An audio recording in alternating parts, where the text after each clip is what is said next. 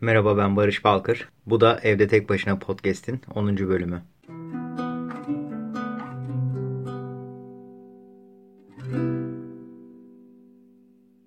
Bugün ilk defa ben Barış Balkır diye açtım. Neden daha önce kendimi söylemiyordum sanki herkes beni tanıyormuş gibi. Yok böyle bir şey değil zaten benim kanalıma gelen herhalde benim kim olduğumu biliyordur diye düşünüyordum ama bunu söylemekte fayda var sanırım. Bugün hastaya küfreden doktor hakkında bir şeyler söylemek istiyorum. İlk önce büyük bir hevesle açtım. Çünkü internette bu tarz olayların olmasını çok seviyorum. Bir kavga olduğunda da zaten izlemeden duramam ben. Yani kavganın bütün detaylarına hakim olmam lazım. Daha sonra birisi sorduğunda kavga ile ilgili tarafların bütün fikirlerini ortaya koyabilirim ki iki tarafı da dinlesinler. O anlattığım insan onlar hakkında fikir sahibi olsun ve o da başkalarına anlatırken kendi bakış açısından yorumlasın bu olayları diye. Bugün de hastaya küfreden doktor. Yani ben bu linke tıkladım ve gerçekten çok şey hevesliydim ben bu linki açarken. Çünkü doktordan hakikaten bir küfür duymam lazımdı ki hemen bunu WhatsApp arkadaş grubumda paylaşmam lazımdı. Oğlum bakın nasıldı küfür etmiş adam çok acayip değil mi diye paylaşmak istiyordum ama yani hayal kırıklığına uğradım. Burada yine medyanın bir olayları farklı yansıtması yani sanki bir clickbait vardı. Çünkü hastaya küfreden doktor diyordu. Video açtığımda hastaya küfreden birini değil kendine küfreden birini gördüm. Ya böyle medya bazen diyor ya işte ne bileyim böyle şok görülmedi diyor. Çok farklı renklerle düzenlenmiş, farklı renklerle boyanmış bir şok market görüyorsun içini açtığında. Veya ne bileyim bu patlama dünyayı yok edecek diyor. İşte giriyorsun bakıyorsun eğer bu patlama diyor dünyada olsaydı diyor yok ederdi burayı.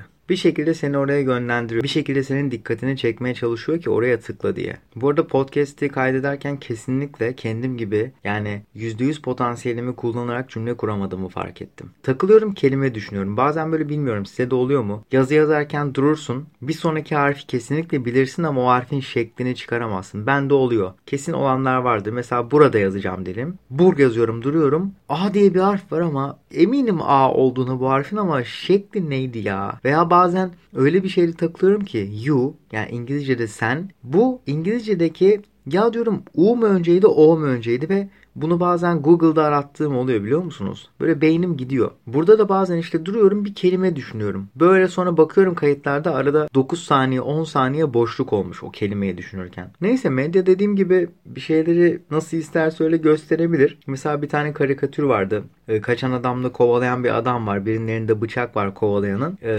ve işte bunu bir kamera çekiyor. Kamerada da e, o kadar yani kadraj öyle bir yere alıyor ki aslında kaçan adam sanki kovalayan adamı bıçaklayacakmış gibi tam tersini gösteriyor. Şimdi buraya zaten karikatürün fotoğrafını koyarım ama Spotify'dan falan dinleyenler için anlatıyorum. Ya kolaylıkla manipüle edilebilir şeyler aslında bunlar. Mesela mesela şey örneği vardır işte Afrikalı bir çocuk e, kadın Afrikalı çocuğu alıyor. E, Baya yani orada böyle aç sefil halde buluyor. Zavallı çocuk böyle yani belki ne zamandır yemek yememiştir anlatabiliyor muyum?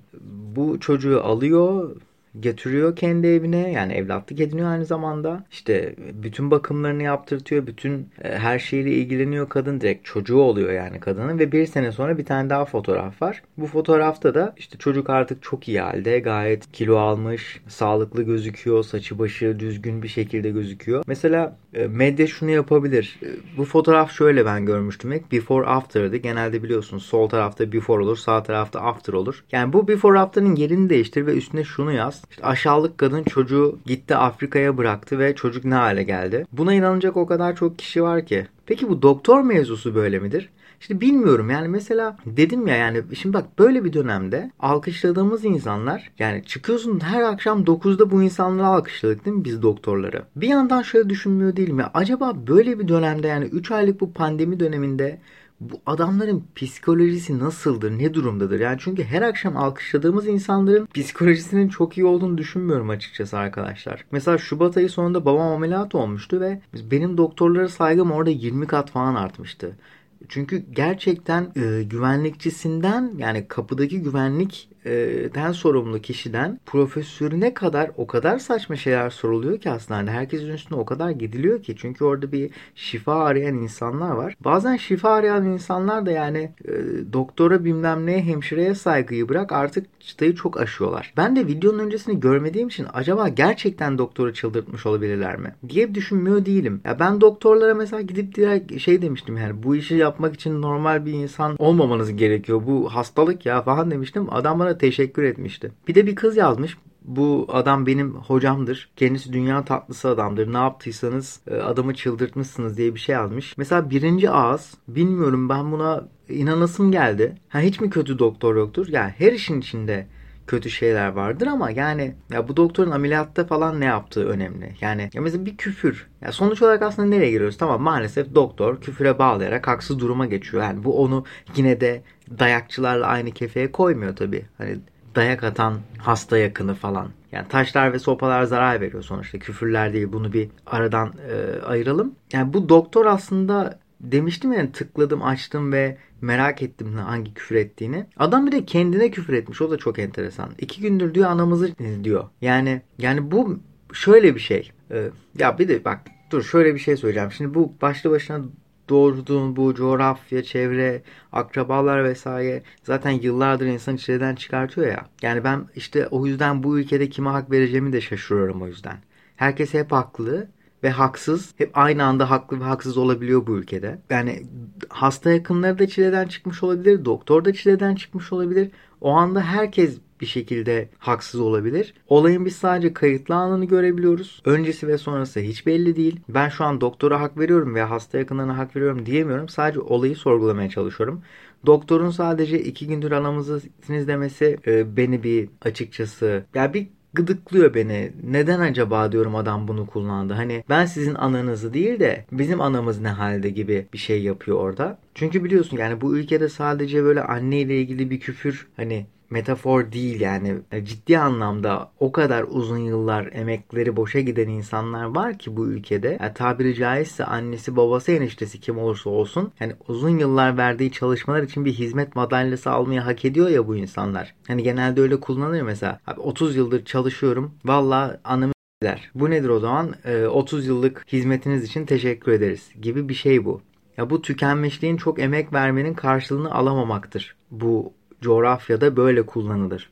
Veya gerçekten bir şeye ulaşırsın. Abi uğraştık, çabaladık, en sonunda elde ettik ama hop anamız Bu böyledir. İşte ben de durup düşünüyorum. Karşı tarafın annesine hamle yapmamış, kendi annesine hamle yapmış olması adamın biraz da mağduriyetini anlatıyor gibi. Vallahi biz doktor karşısında sus pus oluyoruz ya. Böyle hani hakim savcı karşısında sus pus olunur ya. Öyle oluyoruz açıkçası. Dediğim gibi bazı mesleklerin içinde kesinlikle kötü insanlar olmamalı ama nerede nasıl olduğu da önemli. Yani bilmiyorum kendi aralarındaki bir tartışmayı bu kadar sosyal medyaya taşıyıp bu kadar savcılık hakimlik falan ay hakimlik ne işte davalık edecek bir nokta var mıydı? Bilmiyorum ya şu küfürlere falan dava açmayı bıraksak ya bilmiyorum küfürler gerçekten pek davalık gibi gözükmüyor bana. Şimdi bu videonun altına inanılmaz bir şekilde küfür yiyormuşum değil mi? E tabii ki dava açmayacağım ne yapacağım da yani birisi saldırmadığı sürece of çok zor yani herkes herkese yani bana deseler ki sen geri zekalısın ben de gidip dava açsam e, davayı kazanırsam da geri zekalı olmadığım tescil edilir ama o kazanırsa ben de kendime geri zekalı demiş olurum. Çok acayip bir durum olur bence bu. Yani doktor da haklı değil, hasta yakınları da haklı değil. Kendi aralarında bence kapanacak bir olaydı bu. Saçma sapan bir yerlere geldi.